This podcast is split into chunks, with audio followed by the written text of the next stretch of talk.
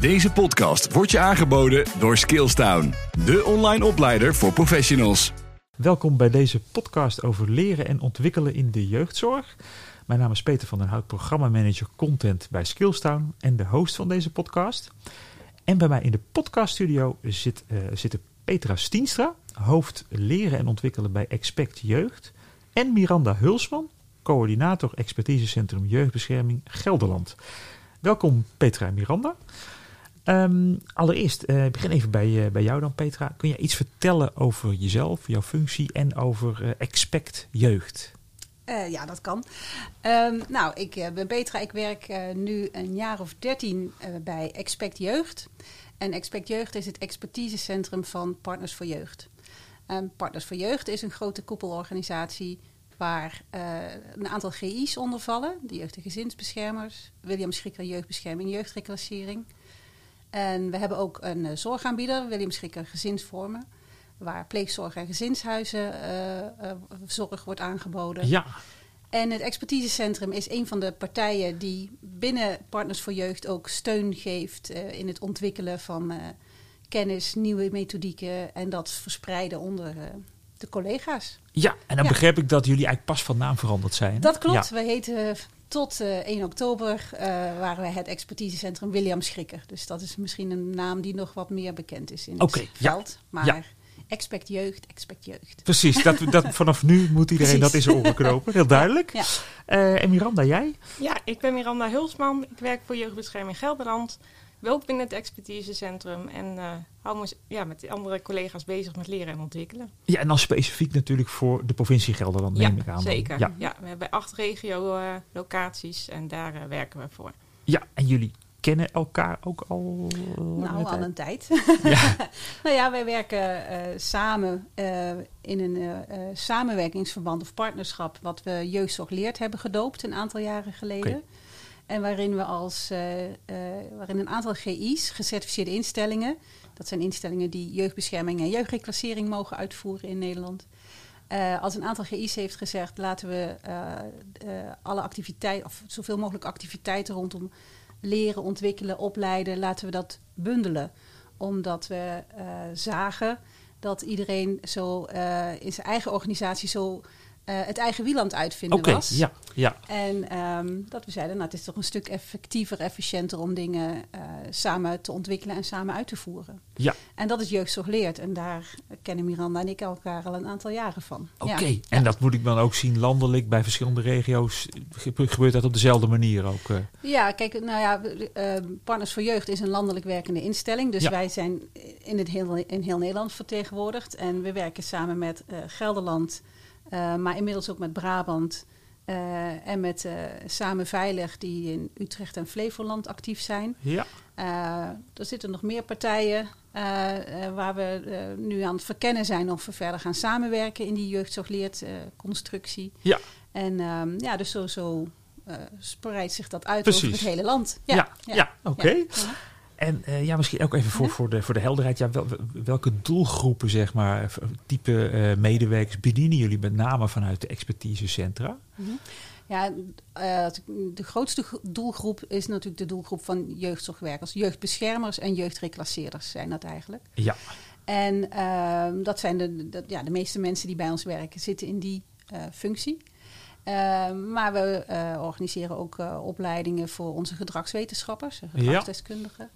Ja. maar ook voor onze managers. daar hebben we ook natuurlijk opleidingsaanbod voor. wat ook wat, wat deels gericht is op hun managementrol, maar ja. ook wel heel erg gericht is op van het, het leiding geven in een gecertificeerde instelling. Hè. Wat, wat, ja, als manager moet je natuurlijk ook even weten hoe dat ja. inhoudelijk zit. Ja. Ja. ja, dus het gaat ook wel breder dan de hele specifiek vakgerelateerde ja. informatie ook. Ja, ja, ja. ja maar dat, de, die vakinhoud, dat vakmanschap is wel onze grootste focus. Ja, ja. uiteraard. Oké. Okay. En uh, ga ik even naar jou, Miranda. Uh, als je nou de belangrijkste uitdagingen in de zorg, uh, in de jeugdzorg op dit moment, wat, wat komt dan het eerste bij je op? Ja, toch wel behoud van uh, mensen en mensen goed opleiden okay. in uh, vakbekwaamheid. Uh, we hebben ja, te maken met een hoog verloop in onze sector. Het is een moeilijke sector. We hebben complexe zaken die wij uh, als jeugdbeschermers uh, voor ons te kiezen krijgen. Ja, en wat je hoopt is mensen door goed op te leiden en te ontwikkelen. Want ze hebben heel veel passie voor het vak, Ja. maar toch te behouden voor de organisaties. Om zo de cliënt, hè, eh, waar, daar, gaat het uiteindelijk om, om Ja. die zo goed mogelijk eh, te ondersteunen in hun proces.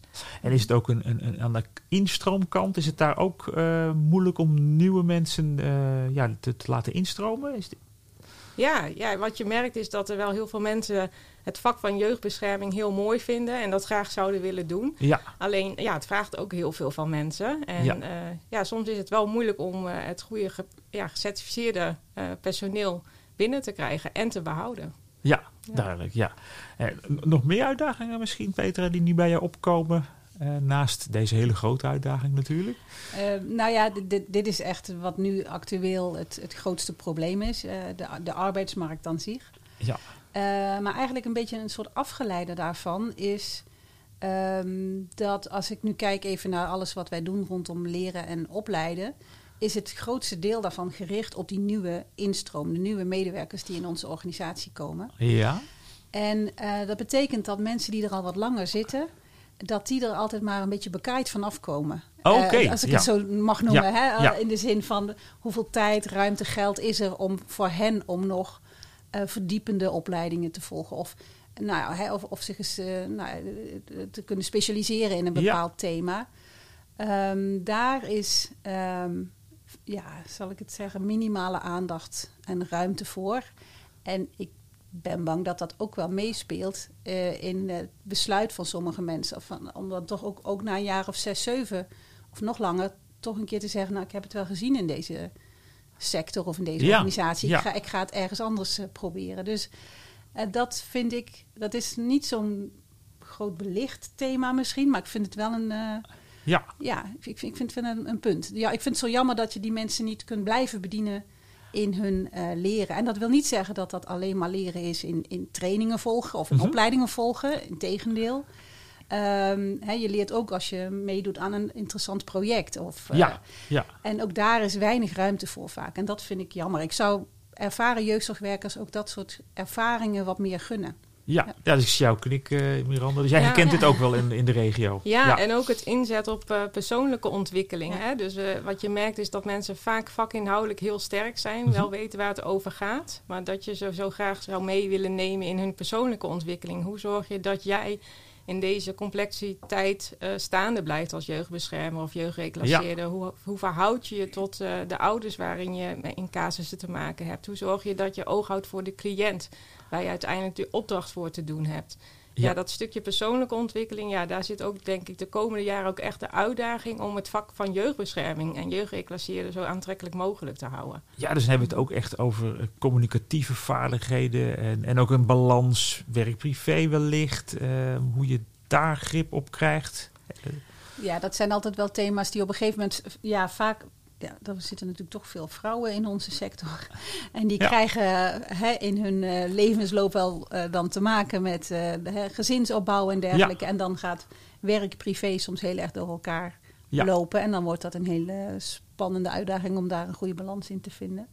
En, en het heeft überhaupt ook te maken met veerkracht bij mensen. Hoe, hè. Inderdaad, hoe hou je je staande in dit werk? Je komt hele ingewikkelde, weerbarstige problematiek tegen. Je komt in gezinnen waar, ja, waar dingen zo beroerd aan toe zijn. Soms Ja, dat, ja. ja en, en ehm, ik hoor ook wel van, van collega jeugdzorgwerkers die dan zeggen van ja, ik heb dit jarenlang gedaan en ik kon dit altijd goed handelen. En dan is er toch altijd, of er komt er wel eens een, een, één situatie, één gezin waarvan ze zeggen, nou dit, dit laat me niet los en Ja, daar krijg ik last van of zo. En dat, dan denk ik, ja, het is ook eh, heel confronterend werk wat je doet.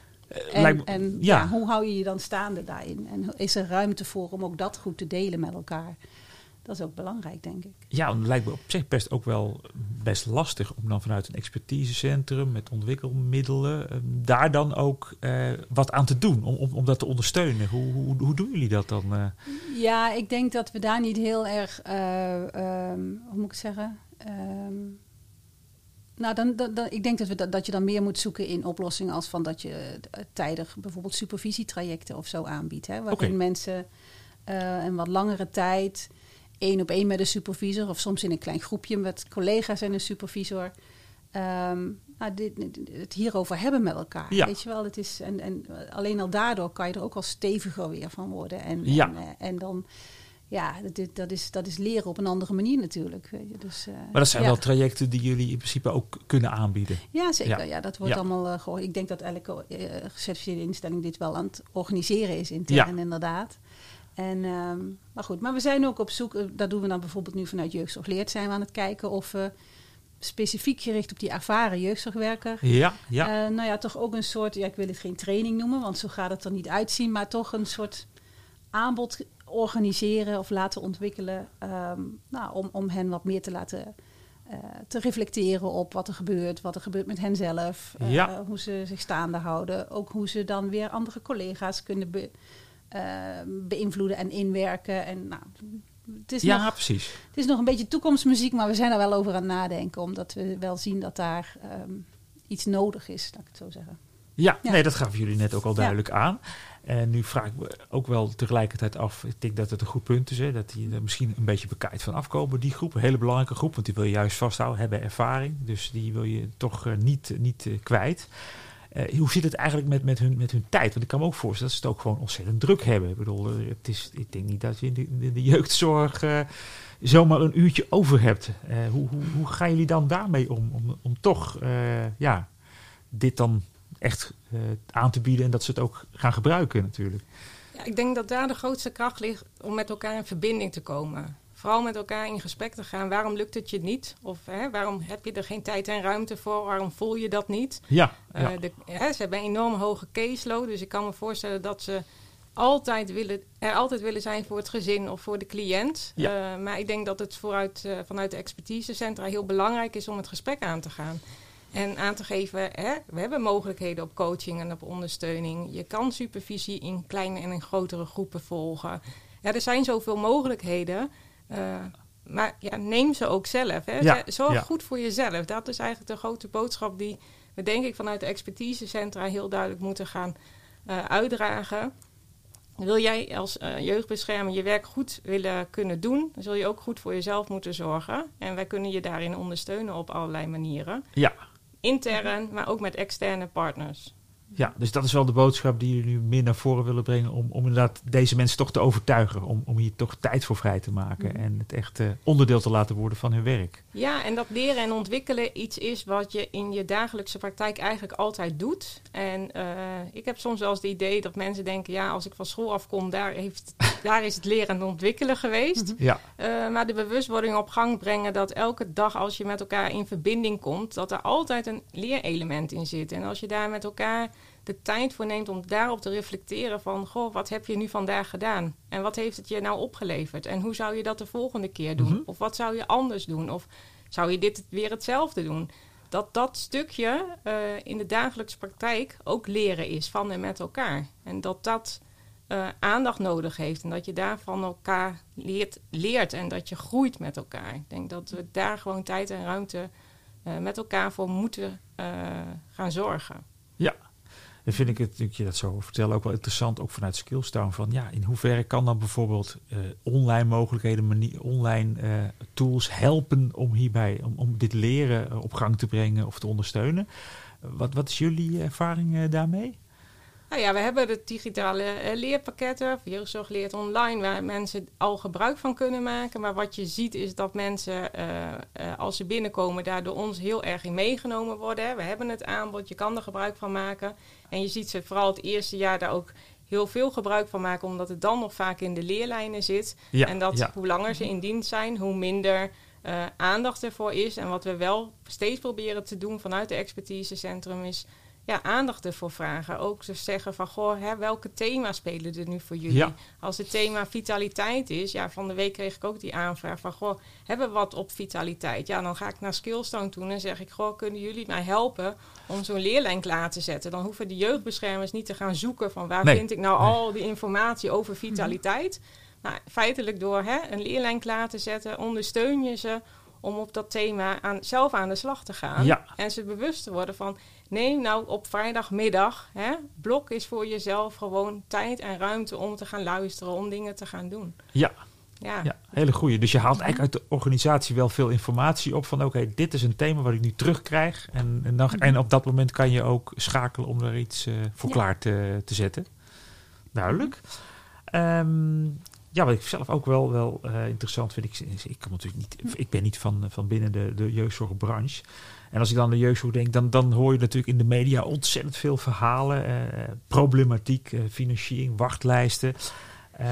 Is, is- zijn dat ook zaken waar jullie vanuit expertisecentra ehm, mee te maken hebben? Of is dat meer op afstand? Nee, daar hebben we zeker mee te maken. Al is het alleen omdat we ook vanuit Expect Jeugd hebben we ook een soort eh, adviserende en meeontwikkelende rol richting onze werkmaatschappijen. Hè. Dus, Ja. dus eh, als zij met allerlei met dit soort problemen geconfronteerd worden, dan, dan zit er aan onze kant ook denkkracht die, die daarbij wordt aangeschakeld. Hè. Dus dat, Ja, dat, dat ja. alleen al. Ehm, maar ja, je ziet ook even, als je het dan weer terugbrengt naar leren en ontwikkelen, dan zie je, nou ja, de, in de- inderdaad in de media de laatste maanden heel veel eh, gemopper over de slechte dossiervorming en de slechte ehm, rapportages hè, die, die in de jeugdzorg eh, eh, en in de jeugdbescherming ook eh, rondgaan.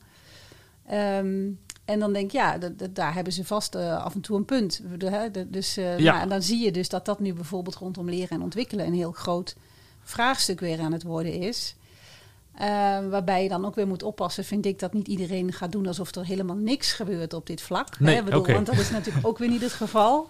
Ehm, maar wel interessant om te kijken van oké, dit, dit, dit thema speelt nu op, daar, daar, daar willen we wat mee.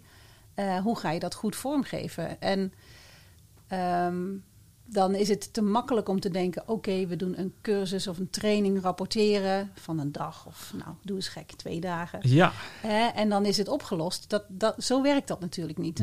Want eh, eh, wat, wat je dan heel vaak ziet, is dat mensen ehm, eh, na zo'n training echt wel het, het, zeg maar het, het goede geleerd hebben. En ook echt wel van, van goede voornemens hebben om dat eh, te, te gaan doen. Eh, maar je ziet ook dat het daarna in de praktijk gewoon echt wegcijpelt. ja, Hè? En, en eh, eh, het is echt een uitdaging van hoe hou je dat vast en hoe eh, zorg je ervoor dat iemand die iets heeft opgepikt in een training of opleiding of door een, eh, een, een e-module of een webinar te bekijken, hoe zorg je dat iemand ja, dat, dat in gedrag omzet en dat weet vast te houden en niet ehm, nou, bijvoorbeeld onder invloed van collega's die zeggen, oh nee joh, maar als je het zo doet is het veel makkelijker. Hè? Dat gebeurt ook Ja, ja, dan, dan, dan verlies je heel snel je effect van je, eh, van je, van je ja, opleidingsinvestering, zeg maar. Zoals ik het zo eh ja, stom woord mag noemen. Maar ehm, ja, dat is wel een, een, ehm, eh, iets waar we nu druk mee eh, gaan zijn Ja, de komende ja. tijd. Ja, ja. Dus je moet het op een bepaalde manier zien te borgen of in die werkprocessen Ja. krijgen. Ja. En, ja, hebben jullie daar al ideeën over oplossingen mogelijk daarvoor? Nou ja, we zijn nu aan het nadenken over hoe je dit bijvoorbeeld heel goed in een soort, ja, wat ze dan tegenwoordig heel hip noemen, een blended traject kunt wegzetten. Ja, ja. natuurlijk. Omdat we natuurlijk, omdat, nou ja, een heleboel basiskennis rondom goed rapporteren. Eh, dat is juridische kennis hè, en dat is, eh, dat is kennis over informatie die je, eh, of, of wanneer je informatie wel of niet mag delen. Ja, Ehm, ja. Dat is informatie die je heel goed via digitale middelen, e-modules of webinars of essentials kunt delen met elkaar. Ja. En als je dat goed aanbiedt op een, op een goede, logische manier en afwisselt met aanvullende, ehm, nou ja, online of live modules, trainingen, momenten van uitwisseling met elkaar, met een trainer, waarin je wat specifieker ingaat op van oké, maar hoe, hoe, hoe schrijf je nu echt goed een tekst? Ja. Of eh, wat meer input van eh, wie leest jouw tekst nou eigenlijk allemaal? Hè? Dat is een cliënt, maar dat is ook een kinderrechter, dat is een advocaat van een vader en dat Ja. is ook een hulpverlener van moeder.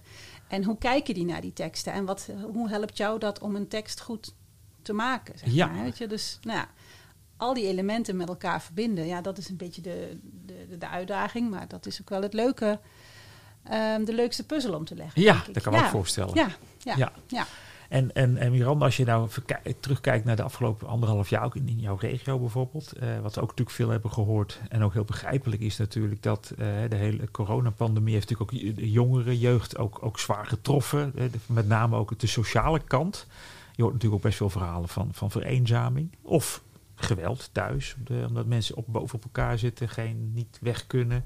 blijft dat meer. Heb, heb, heb je dat inderdaad ook gemerkt? Dat er een ja, meer toename van is geweest? Of meer vraag eigenlijk? Uh, of ja, wat ik zo in de wandelgangen heb gehoord is in het begin van de corona-periode hadden we er juist eh, minder last van. Omdat ja, toen was alles nieuw. De hele periode was voor ons en de hele tijdperk ja, was iedereen. eigenlijk nieuw. Ja, hè? ja, ja. Dus um, toen hadden we zoiets van, goh, het lijkt wel alsof het uh, minder aanwezig is. Ja, dat het rustiger werd als het ware. Ja, alleen we zagen natuurlijk ook niet meer wat er echt achter de voordeuren gebeurde. En uh, wat je nu weer ziet in de laatste tijd is dat het aantal meldingen bij Veilig Thuis en dat soort dingen wel erg toenemen. En dat je ook dus ziet dat bij ons hè, de werkdruk en de caseloads weer oplopen. Ja, oké. Uh, ja. ja. en dat dat ook gelijk weer impact heeft op, uh, op de jeugdbeschermers en jeugdreclasseerders. En ja, wel zoekende zijn van hoe gaan we dit op de juiste manier doen. En we hebben altijd uh, de kans gehad hè, om als jeugdbeschermers en jeugdreclasseerders nog bij de mensen te komen. Hè? Ja, dus ja. uh, ze, wij, we kunnen altijd nog achter de voordeur komen, om het maar zo te zeggen. We hebben niet die strenge coronamaatregelen van, uh, van je mag niet reizen en je mag nee, nergens precies. komen. Dus, dus dat is niet veranderd in de nee, zin. Nee, nee. nee. Uh, maar we hopen wel op betere tijden en dat je weer hè, in het echte contact kan komen. En dat je dus, ja, de keuze niet meer hoeft te maken van doe ik dit online of doe ik dit fysiek, maar dat het weer gewoon fysiek mag zijn. Ja, ja, dat je ook inderdaad in het traject hier naartoe, want dit zijn dan alweer gevallen waarin je denkt, ja, dan is het ook alweer zo ver gekomen. Dat uh, hadden we liever preventief voorkomen natuurlijk. Uh, maar die mogelijkheden die, die, die zijn er nu wel beperkt, kan ik me zo voorstellen. Ja, en we proberen hè, zo goed mogelijk uh, en zo dicht mogelijk op de cliënt te blijven en in contact en in verbinding te zijn. Maar ja, het, het, het, het, heeft de nodige strubbelingen, om het zo maar te zeggen. Ja, ja. ja. Uh, wat ik ook nog wel even leuk vind om te horen van jullie, zijn er nog dingen voor het komende jaar die, uh, waar jullie mee bezig zijn? Echt nieuwe dingen, uh, die, of, of dingen misschien die al te sprake zijn gekomen, maar waar jullie nog flinke stappen in willen maken? Nou, ik denk de doorontwikkeling van jeugdzorg leert en de partners die, die zich aansluiten, hè, waarvan we zeggen laten we de expertise die we vanuit elke GI of van elke organisatie hebben, laten we die vooral met elkaar bundelen om zo ook te zorgen dat het werk van jeugdbescherming aantrekkelijk is en blijft. Ja. Maar dat we ook vooral onze kennis op het gebied van leren en ontwikkelen kunnen gaan delen. Uh, dat we kijken naar de nieuwe mogelijke toepassingen die er zijn. Want ik denk dat dat corona wel gebracht heeft. Hè? Ja, we hadden het al jaren geleden over blended leren en Ja. ontwikkelen. Hè? En uh, we hadden natuurlijk al het digitaal uh, leerpakket van Skillstown. Alleen ja, nu is alles wel in een snelstroomversnelling gekomen. Omdat we nu Ja. denken, ja, nu kan het. En waarom zouden we niet van andere opties gebruik maken? En Ja, waarom zouden ja. we niet naar andere leervormen kijken? We Ja. waren nog altijd gewend in, te denken in, eh, in vormen van trainingen. Ja, we kijken nu veel meer naar workshop-achtige constructies of dat soort dingen. Of eh, ja, leerlijnen ontwikkelen. Ja, dat zijn wel de grootste ontwikkelingen die we nu eh, doormaken, denk ik. Ja, nou, dat zie ik ook inderdaad. Wat dat betreft heeft dat hele corona het in een stroomversnelling gebracht. En als ik ook zie bijvoorbeeld hoe onze trainers eh, snel hebben kunnen schakelen om programma's die ze normaal in een hele dag gaven, om te bouwen tot inderdaad wat meer online workshop-achtige programma's. Die ook heel interactief zijn en waar ook deelnemers van zeggen van oh, zo'n middag is voorbij gevlogen. Ik vond het Ja. helemaal niet eh, vermoeiend of saai achter mijn scherm. En zo. Denk ik, ja. Hè, bedoel, want dat vraagt toch nog wel iets eh, didactisch. Maar dan denk ik echt, dat hebben ze echt zo fantastisch gedaan. Ehm, en dat zijn ook dingen waarvan we eigenlijk al vrij snel zeiden... nou, dit gaan we niet helemaal meer loslaten. We gaan, Nee, hè, als ik even Ja. kijk naar de opleiding die we hadden eh, voor onze nieuwe medewerkers... daarvan moesten ze echt eh, een aantal dagen naar Amsterdam komen, waar ons kantoor zit... Ja. om op kantoor in een lokaal met een trainer eh, bij elkaar te zijn... En dat hebben we echt nog maar teruggebracht. Dat, volgens mij waren dat, even uit mijn hoofd, het waren volgens mij twaalf dagen in de eerste. Oké, best wel wat, ja. Dat is best wel wat. Ja, ja. En, en eh, mensen komen uit het hele land, Ja, dus er zat heel ja. veel reistijd voor mensen in. En ik denk dat we dat hebben teruggebracht tot nog maar drie of vier Zo. live bijeenkomsten. En de rest gaat Ja. eh, grotendeels online en digitaal. En, ja, en ook veel meer via contact, eh, via zo'n forum en zo, weet je wel, waarin mensen alles kunnen delen. Dus ja, die, die winst hebben we echt zeker wel ehm, eh, weten vast te houden. Ja. En de creatieve processen die daar achteruit eh, vandaan Ja. kwamen. Hè? Dus andere werkvormen, eh, voorbereidingsopdrachten door middel van foto's. eh, dus hè, leren ook op een andere manier onder de aandacht te kunnen brengen. En dat vind Ja. ik wel het positieve aan wat deze tijd ook heeft opgebracht. Ja, het heeft ook wel creatieve- go- ja, goede dingen ja, opgebracht. het Zeker. creatieve Ja. proces is in de sneltreinvaart eh ja, doorontwikkeld, Ja. om het zo maar te zeggen. Ja. Ja. Nou, bedankt eh, Petra Miranda voor jullie eh, inzichten en het kijkje in de keuken eigenlijk bij het expertisecentrum. Eh, en eh, hiermee zijn we aan het einde van deze podcast gekomen. Bedankt voor het luisteren en tot de volgende keer. Deze podcast wordt je aangeboden door Skillstown, de online opleider voor professionals.